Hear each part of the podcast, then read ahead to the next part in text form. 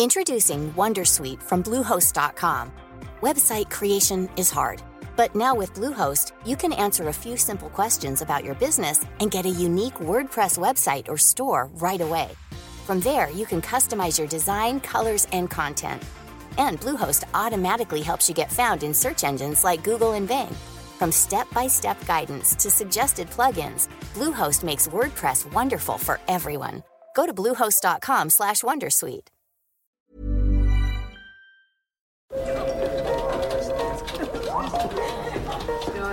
Dette er lyden av norsk næringsliv.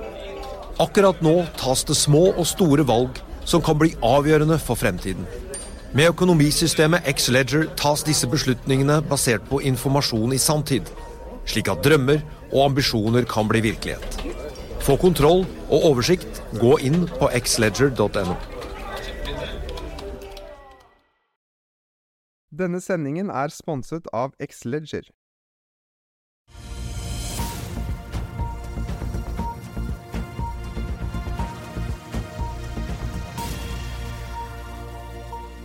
En riktig god morgen og velkommen til Børsmorgen her hos oss i Finansavisen denne tirsdagen. Mitt navn er Benedikte Storm Bomvik, og med meg har jeg aksjekommentator Karl Johan Molnes. Senere i sendingen får vi også besøk av Storebrand-forvalter Hans Trane Nilsen, der det skal bli en kjapp oppsummering av resultatsesongen samt forventningene til høsten på Oslo Børs. Før vi går videre i dagens sending skal vi se litt på resultatene fra kommunevalget, der Høyre ble størst parti i Norge med en oppslutning på totalt 25,9% av stemmene. Det er første gang siden 1924 at et annet parti enn Arbeiderpartiet er størst i et valg. Arbeiderpartiet ble likevel største parti i 127 kommuner, med en total oppslutning på 21,7% Retter vi øynene mot finansmarkedene, så venter Nordnett-analytiker Roger Berntsen at Oslo Børs åpner svakt ned i dag. Til sammenligning så endte Oslo Børs opp 0,60% i går, med god drahjelp fra en rekke shippingaksjer. Når det gjelder Wall Street i går kveld, der endte de tre eh, hovedindeksene opp etter at Wall Street Journal mente, mente søndag at eh, konsensus i Federal Reserve var å ikke heve renten enda en gang. Det kommer også frem at medlemmene føler mindre hast med å heve renten mer i år, ettersom inflasjonen bedrer seg. Ser man mot Asia og stillehavsområdet, så er det blandet tirsdag morgen, der aksjen til det kriserammede Country Garden stiger etter at kreditorene stemte for å forlenge tilbakebetalingen på seks obligasjoner med tre år. Når det gjelder oljeprisen, så har den klatret 0,36 siden i går, og et fat nordsjøolje handles nå for 90 dollar og 92 cent. I god tid etter at Oslo Børs stengte i går, meldte Golden Energy Offshore at de vil hente 30 millioner dollar i forbindelse med selskapets milliardhandel av fire PSV-er og én SSV, samt generelle pengebehov. Emisjonen vil også bidra til å bedre gjeldssituasjonen på 35,9 millioner dollar knyttet til Energy Duchess og Energy Empress. Mandag kveld kom også meldingen om at flyselskapet SAS har fått utsatt kapitalinnhentingen fra 18. til 25. september. Planen er å hente 9,5 milliarder svenske kroner i frisk kapital, i tillegg til at 20 milliarder av gjelden skal konverteres som en del av en omfattende konkursprosess i USA. I løpet av morgentidene kom SSB med ferske tall som viste at norsk økonomi vokste med 0,2% i juli. Sjeføkonom Marius Gonsholt Hov i Handelsbanken mener dagens tall ikke bidrar til å endre noe på renteutsiktene. Samtidig har Nordea startet med dekningen av Bellships, der de kjører på med en kjøpsanbefaling med et kursmål på 23 kroner per aksje. Til sammenligning ble aksjen handlet for 16 kroner og 64 øre mandag ettermiddag. Yes, Karl Johan, skal Vi se litt på, vi kan se litt på Wall Street i går. da, Der eh, bl.a. Tesla steg jo hele 10 og Det var jo da takket være denne Morgan Stanley-analysen. Ja, Adam Jonas eh, er en eh, kreativ analytiker. og dette, Nå ser vi jo årsaken til at Morgan Stanley ikke er med på ARM-emisjonen, som er ti ganger overtegna stengt dagen før. Eneste meglerforetak som ikke er med på det. De har bestemt seg for at de skulle jobbe med noe annet, og det er tydeligvis Tesla som de har bestemt seg å jobbe for, fordi at de er stor på finansieringen av Elon Musk sitt oppkjøp av X, altså Twitter, på 44 milliarder dollar. Og han trenger penger. Og Da har de dratt og besøkt eh, Elon Musk og funnet ut hvordan skal de vinkle en analyse. Tesla har en markedsverdi på 800 milliarder dollar, og da har han superkreative analytikeren funnet ut at eh, de har en Dojo supercomputer som er verdt 500 milliarder dollar alene i konkurransefordel på selvkjørende biler. Og Det er jo helt utrolig at det går an å kunne komme opp med noe så abstrakt og crazy, eh, fordi at Tesla er jo ikke ledende på. Selvkjøring av biler. Så det er, eh, det er, veldig spesielt. Eh, eh, men markedet er i god stemning akkurat nå, og det er mulig å løfte aksjer som dette her med 10 ved hjelp av opsjoner. og Det er veldig spesielt. og Det har ingenting med det fundamentale å gjøre. Så nå har man da fram til tallene kommer 19.10. Eh, og da bør helst ikke Tesla sine marginer være så mye under det som er gjennomsnittet for andre bilselskaper, for de har jo senka prisene masse. Og når du da kommer ned på under 20% ned på 16-17-18% sånn så er Tesla akkurat som et uh, annet bilselskap. Da, for det, amerikanske selskaper styrer seg til profitt. Det er ikke om å gjøre å ha størst mulig markedsandel nødvendig, og du må holde på marginene dine. og Det er jo kjernen av problemet til Tesla. at eh, Her faller earnings eh, ganske kraftig. Eh, og, og, Da prøver man altså å lage en sånn langsiktig historie som er helt abstrakt. altså. Det er veldig rart. Men Hva er de største utfordringene for Tesla fremover? Det er at de har senket prisene så mye at resultatene faller, og at de er i ferd med å altså, Tesla hadde en fordel at de er, de er ikke som andre selskap i det at de er jo sin egen bilforhandler. og når, Under pandemien da, så ble jo bilforhandlere ble jo veldig lønnsomme. De kunne jo ta mye høyere priser for bilene. og Alt den superprofitten fikk jo Tesla beholde sjøl, så de hadde jo 30% margin. Eh, og eh, det, Andre bilprodusenter de had, de har hatt private eiere av, av uh, retail-leddet. De har ikke Tesla. Da. Men når du halverer marginen, så skal jo minst aksjene halvere seg. Så uh, det er utfordringer. Da. Men, men, vi er fortsatt i et marked der det er veldig mye likviditet som flyter rundt omkring. Og uh, på tross av at rentene stiger hele tida, så er det mye likviditet. Og det må vi alle andre betale for. Altså om, det, om pengene går til Tesla eller til våpen. Du får press i økonomien, og da blir det høyere renter, og vi alle må betale for det, for det er et kapitalmarked, verdens kapitalmarked er globalt.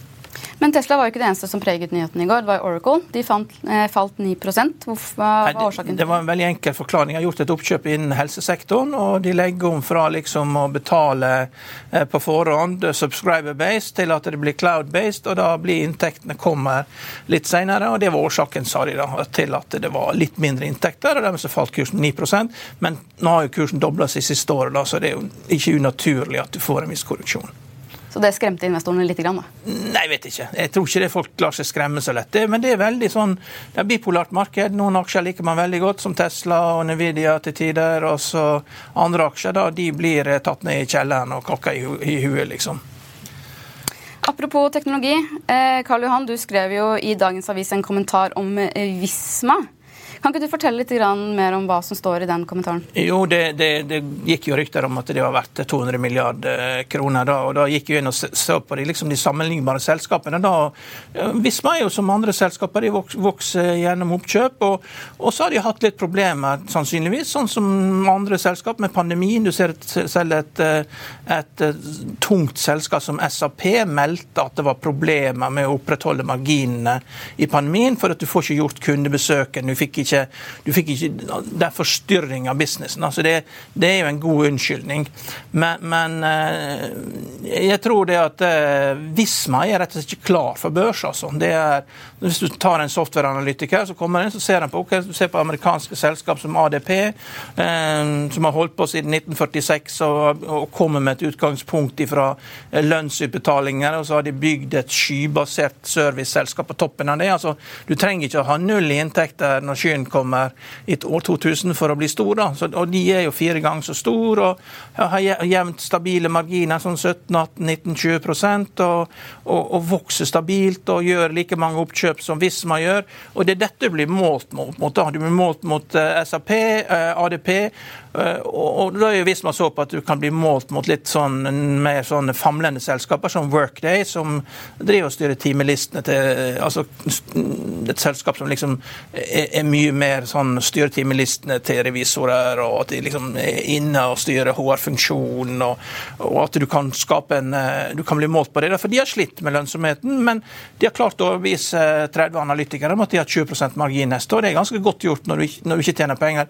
Men det, den muligheten har ikke Visma når du ikke er på børs. Da, hvis det går dårlig, så er det ingen som vet eh, det, det, det er ikke 30 analytikere der som går rundt og kan tro på at de skal gjøre like, ha like stor forbedring som Work de har. Så Dermed så sitter du igjen med at eh, egentlig så er Visma et selskap som er styrt for volumvekst. Eh, ser ut som de sliter masse med å integrere oppkjøp, og at de er ikke styrt for profitt. Og, og, børsen er et sted som styres eh, Det er et sted du er for å tjene penger. Det er ikke et sted der du er for å liksom vokse omsetningen. Du kan få ganske bra uttelling på det over tid eh, til å begynne med, og at omsetningen vokser. Men plutselig så kommer du til et punkt hvor at eh, man vil se at du tjener penger. og Da blir man målt opp mot ADP og SAP og de største selskapene. Ja, for denne Børsnoteringen har jo blitt utsatt i flere, flere ganger. altså. Men for at den guidingen de har hatt om at de skulle børsnoteres i 2023, den har jo blitt forskjøvet. Og nå er det litt sånn når markedet tilsier at det skal uh... Ja, og da er jo poenget at det, Sist uh, teknologiaksjer var så populære som det, det er 20 år siden. Det var veldig populært. Da kunne du gjøre hva som helst altså, og få helt astronomiske verdier. og eh, Problemet er at når du da får et dårligere marked, så vil jo det også vise seg at mange av de oppkjøpene de har gjort, får det samme som Cisco, at det viser seg at du klarer ikke å integrere oppkjøpene, og at marginene da, som du trodde du skulle gå opp, de går ned i stedet. Så går man i en ørkenvandring, og alle som er i bransjen, lurer på hvorfor man ikke er så populær som man var før, og det tar veldig lang tid. Børsen er en motebusiness, og sektorer kommer og går, og land kommer og går inn og ut av mote. Og, og det er derfor, hvis hvis, hvis man skal, på, skal, overleve som et stort selskap, så må du før eller senere komme deg på børs. og må bruke, Da må du bruke det å være på børs til å kunne kjøpe selskaper billig. Og, og du må også risikere å bli kjøpt opp sjøl for å kunne realisere verdiene for aksjonærene.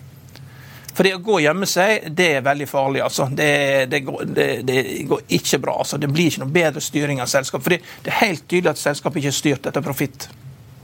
Det blir spennende å følge med på. Ja. Tusen takk, Karl Johan. Vi er straks tilbake etter en kjapp pause. Vil du bli oppdatert på det viktigste som har skjedd innen finans og næringsliv? Da er det bare å følge med, for hver morgen er jeg, Marius Lorentzen og aksjekommentator Karl Johan Malnes på plass i studio for å ta tempen på dagens marked i Børsmorgen. Og hver ettermiddag oppsummerer vi alt du trenger å vite i økonominyhetene, og det blir selvfølgelig masse interessante gjester.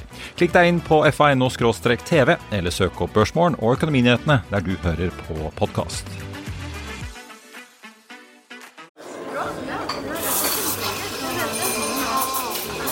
Dette er lyden av norsk næringsliv. Akkurat nå tas det små og store valg som kan bli avgjørende for fremtiden. Med økonomisystemet X-Leger tas disse beslutningene basert på informasjon i samtid, slik at drømmer og ambisjoner kan bli virkelighet.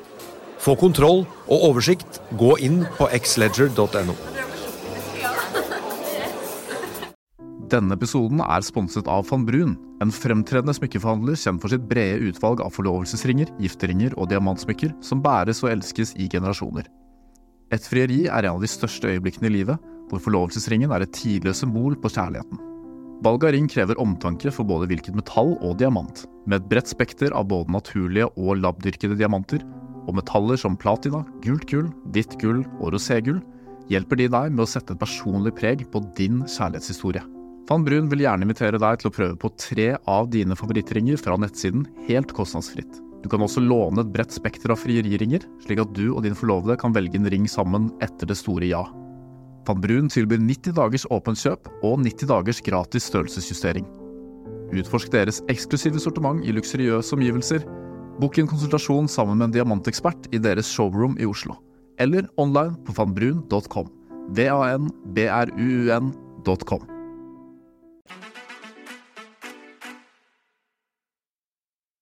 Da er handelsdagen i gang, og hovedindeksen stiger da med 0,23 fra start. Vi ser også at Hyon stiger kraftig etter hint om en mer fordelaktig sammenslåing. I august så meldte styret at de ville oppløse selskapet fordi at de ikke så noen god vei videre for å for å hydrogenfylle selskapet.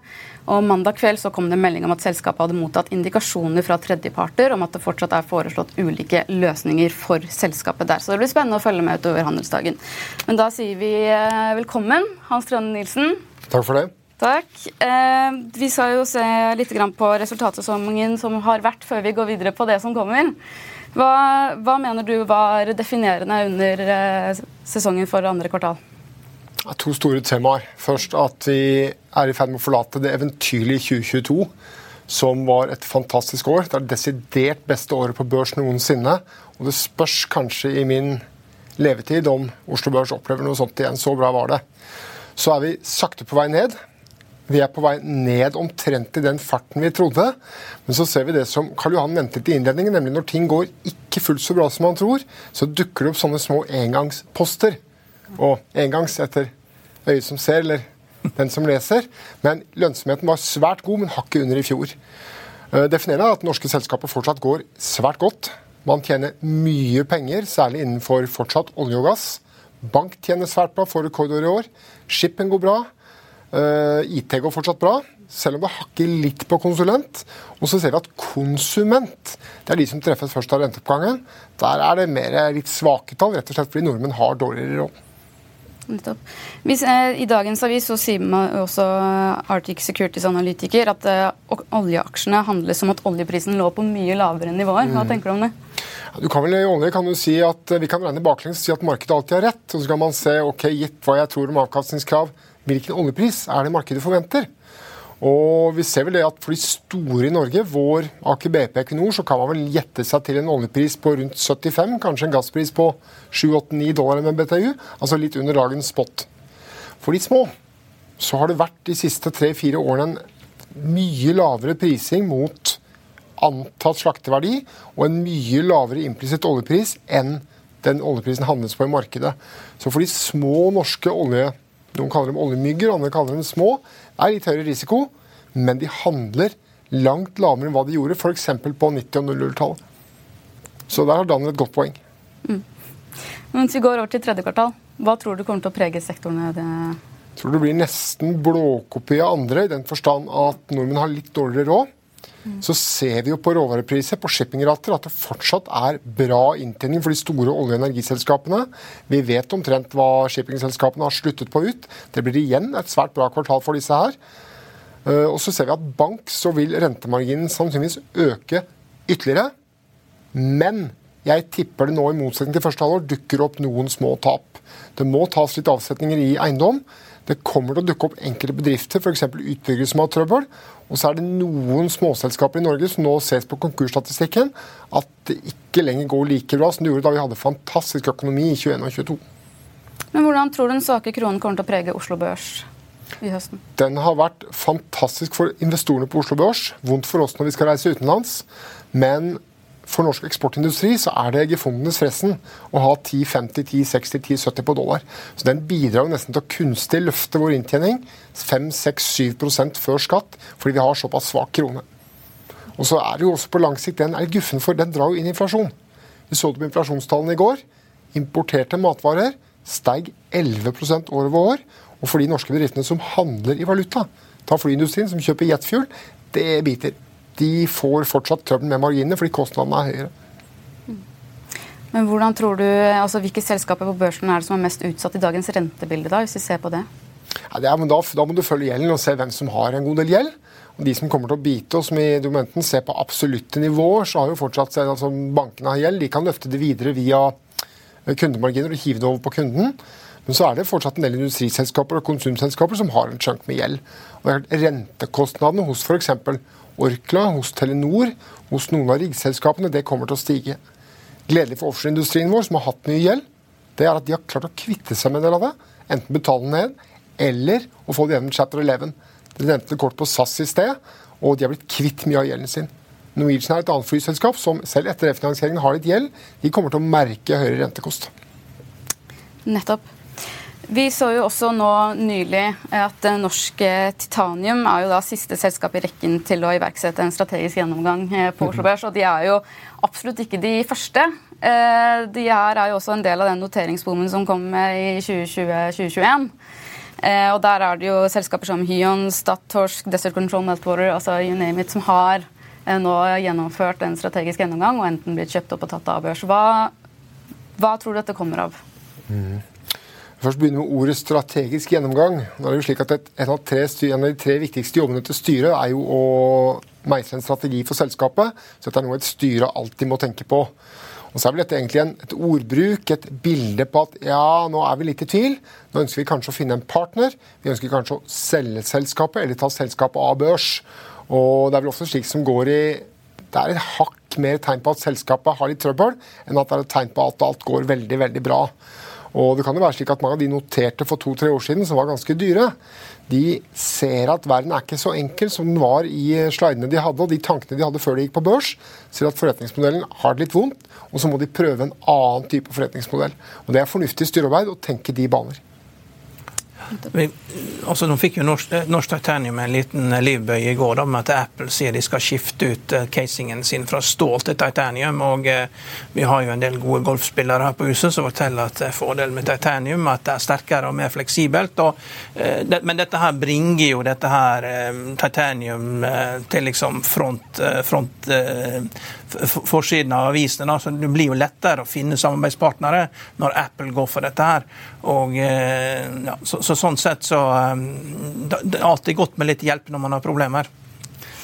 det hadde kanskje vært eh, mulig med en amerikansk eier, da, på, eller uh, ny eier under norsk uh, Ja, de, de, selger jo til, etter som jeg forstår det, så selger de visstnok til flyindustrien. da, Den er jo veldig stor i USA, så, så jeg tror nok det at man uh, ja, det finnes helt sikkert noen som er interessert i å, å, gjøre noe med dette. her, Og kan også finne noen måter å tappe inn i denne Inflation Reduction Act med investeringer. Så litt bedre connected enn eh, de er her, for det, det krever jo mye jobb. Mm.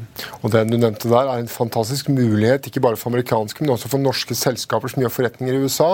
Det er et ganske romslig offentlig budsjett som er dukket opp i USA.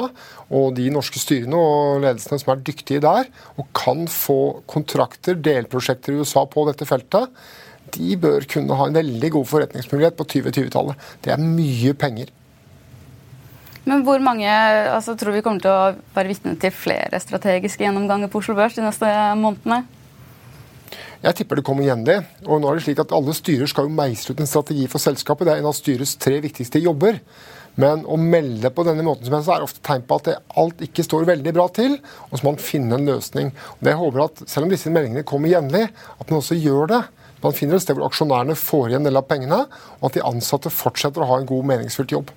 Så jeg tror mer det er en jevnlig sak av børsen. Jeg tror ikke det er noe høyere tempo nå enn ellers. Nei, ok. Men vi skal jo også se litt på fondet som du forvalter. Eh, og Det er da Storebrand Norge. og De ble jo nå 40 år, stemmer ikke det? Eller er det på torsdag? Det er ja, Vi fant datoen. Det er første andelstegning i det fondet. Det er et av to fond jeg forvalter. Ja. Det minste av de heter Storbrann Norge. Nettopp. Og Første kunde kom 14.9.1983. Ja. Så vedkommende kunde, Han er vel vedkommende dessverre neppe kunde fortsatt, men uh, det er en ganske lang reise. Og Fondet er også et eksempel på hva man kan få ut av forvaltning på lang sikt. Mange snakker om aksjer er lang sikt, det er lange penger. og Det fondet er jo da et praksisbilde. Hva er mulig å tjene i Norge når man investerer i aksjer på Oslo Børs over mange år? Da er det jo, eh, det Fondet har jo nå fått en avkastning på 7,06% så langt i år. De har jo slått eh, referanseindeksen. Eh, og da 11,38% siden oppstart. Det er jo da i snitt mm. siden oppstart i 1983. Vi må bare spørre før vi går videre på beholdningen her. altså Hva skal til for at du setter penger i SAS nå? Oi. Uh, gjeldsforhandlinger er komplisert, og det er nok en funksjon av hvor mye gjeld- og leasingforpliktelser som blir borte. Forretningsmodellen til SAS er litt i et hjørne, for de har dyre billetter og dyr drift. Om den virker, får de nesten forklare når de er ferdig med å forhandle gjelden. For det viktigste for dem er nok å bli kvitt fremmedkapital, det de skylder. Det er en for tung bør å bære med dagens drift i SAS. Og der har du jo ellers i fondet nå så er det Telenor som ligger mm. på topp. Etterfulgt av Aker og Yara. Mm. Hvorfor er det akkurat disse tre som er på toppen hos deg? Det er selskapet vi liker akkurat nå. Og selskapet har de 40 årene det har vært forvaltet, vært forvaltet etter tanken om at vi skal prøve å plukke best mulig aksjer. Vi har ikke vært noe historisk spesielt gode på å plukke sektor eller faktor. Men vi har alltid vært gode på å klare å dra ut litt hvert eneste år av uh, enkeltaksjer på Oslo Børs. Det er det vi har sett også i at det er en børs som er liten, gir mange muligheter. Og på de 25 årene jeg har vært i Storbritannia, så har vi stort sett hvert år klart å dra ut litt. Grann. Selvfølgelig to enkeltår som har vært dårlige, hvor vi ikke var noe flinke. Men summen har du, som fondsavkastninger viser, blitt veldig veldig bra på lang sikt. Har du gjort noen eh, endringer i fondet de siste måneden? Ja, Dere nevnte tørrbulkaksjer i sted. Jeg har kjøpt litt mer tørrbulk, som betyr litt. Og vi har også kjøpt mer i europris, europris. Vi syns det har kommet ned på en litt hyggeligere prising.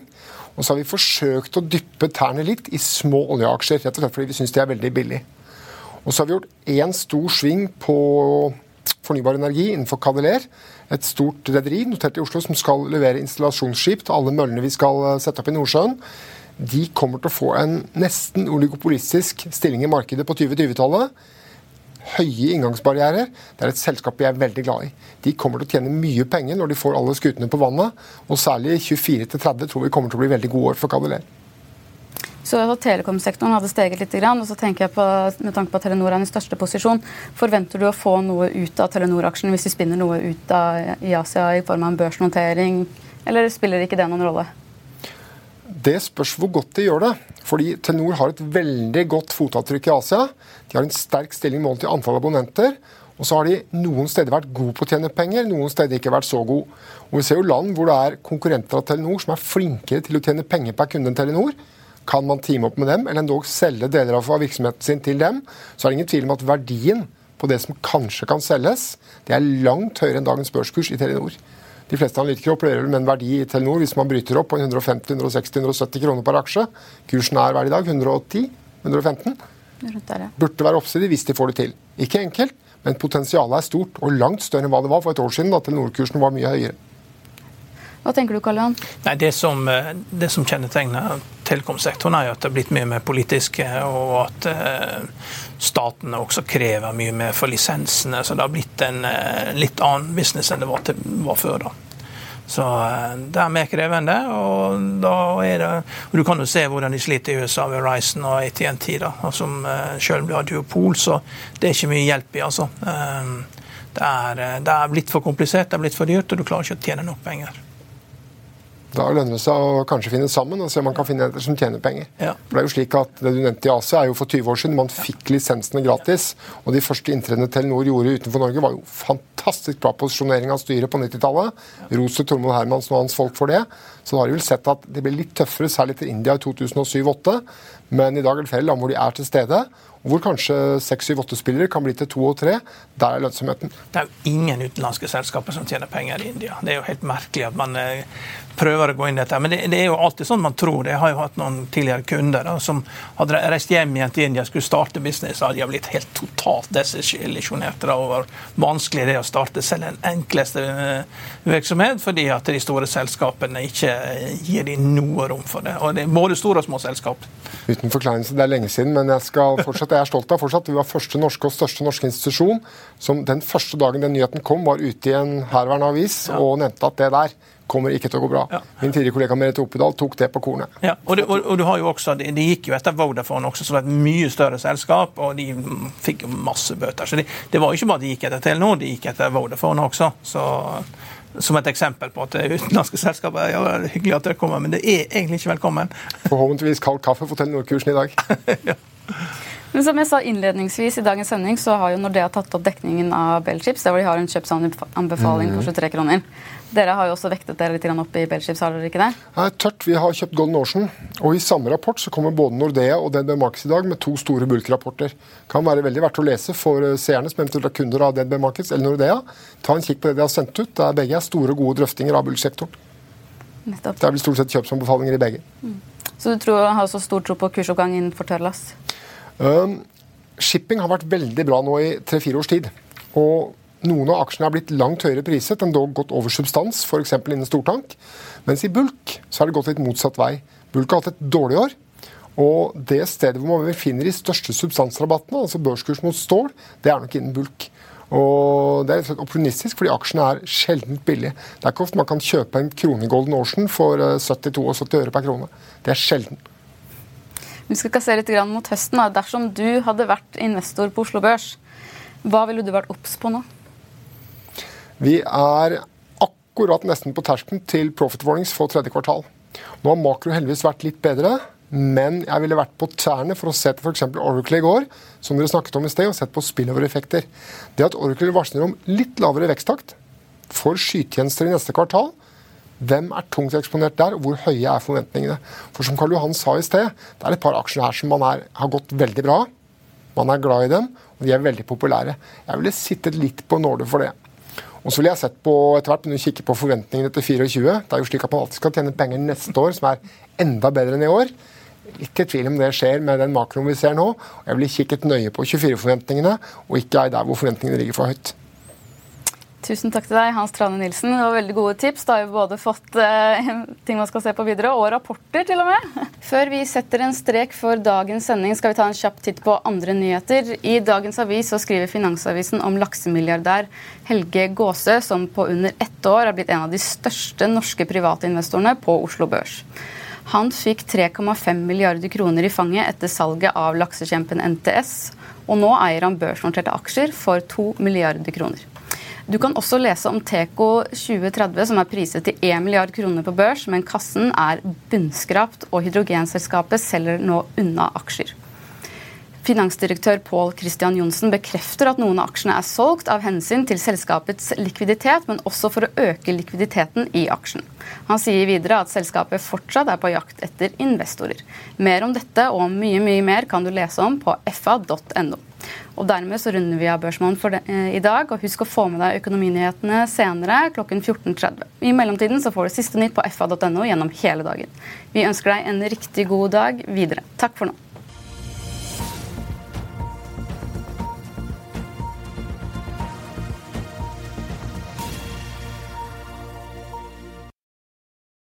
Denne sendingen er sponset av Xleger. Økonominyhetene er en podkast og videoproduksjon fra Finansavisen. Programleder er Marius Lorentzen. Aksjekommentator er Karl Johan Molnes. Produsent er Bashar Johar. Podkast- og videoansvarlig er Marius Mørk Larsen. Og ansvarlig redaktør er Trygve Hegnar.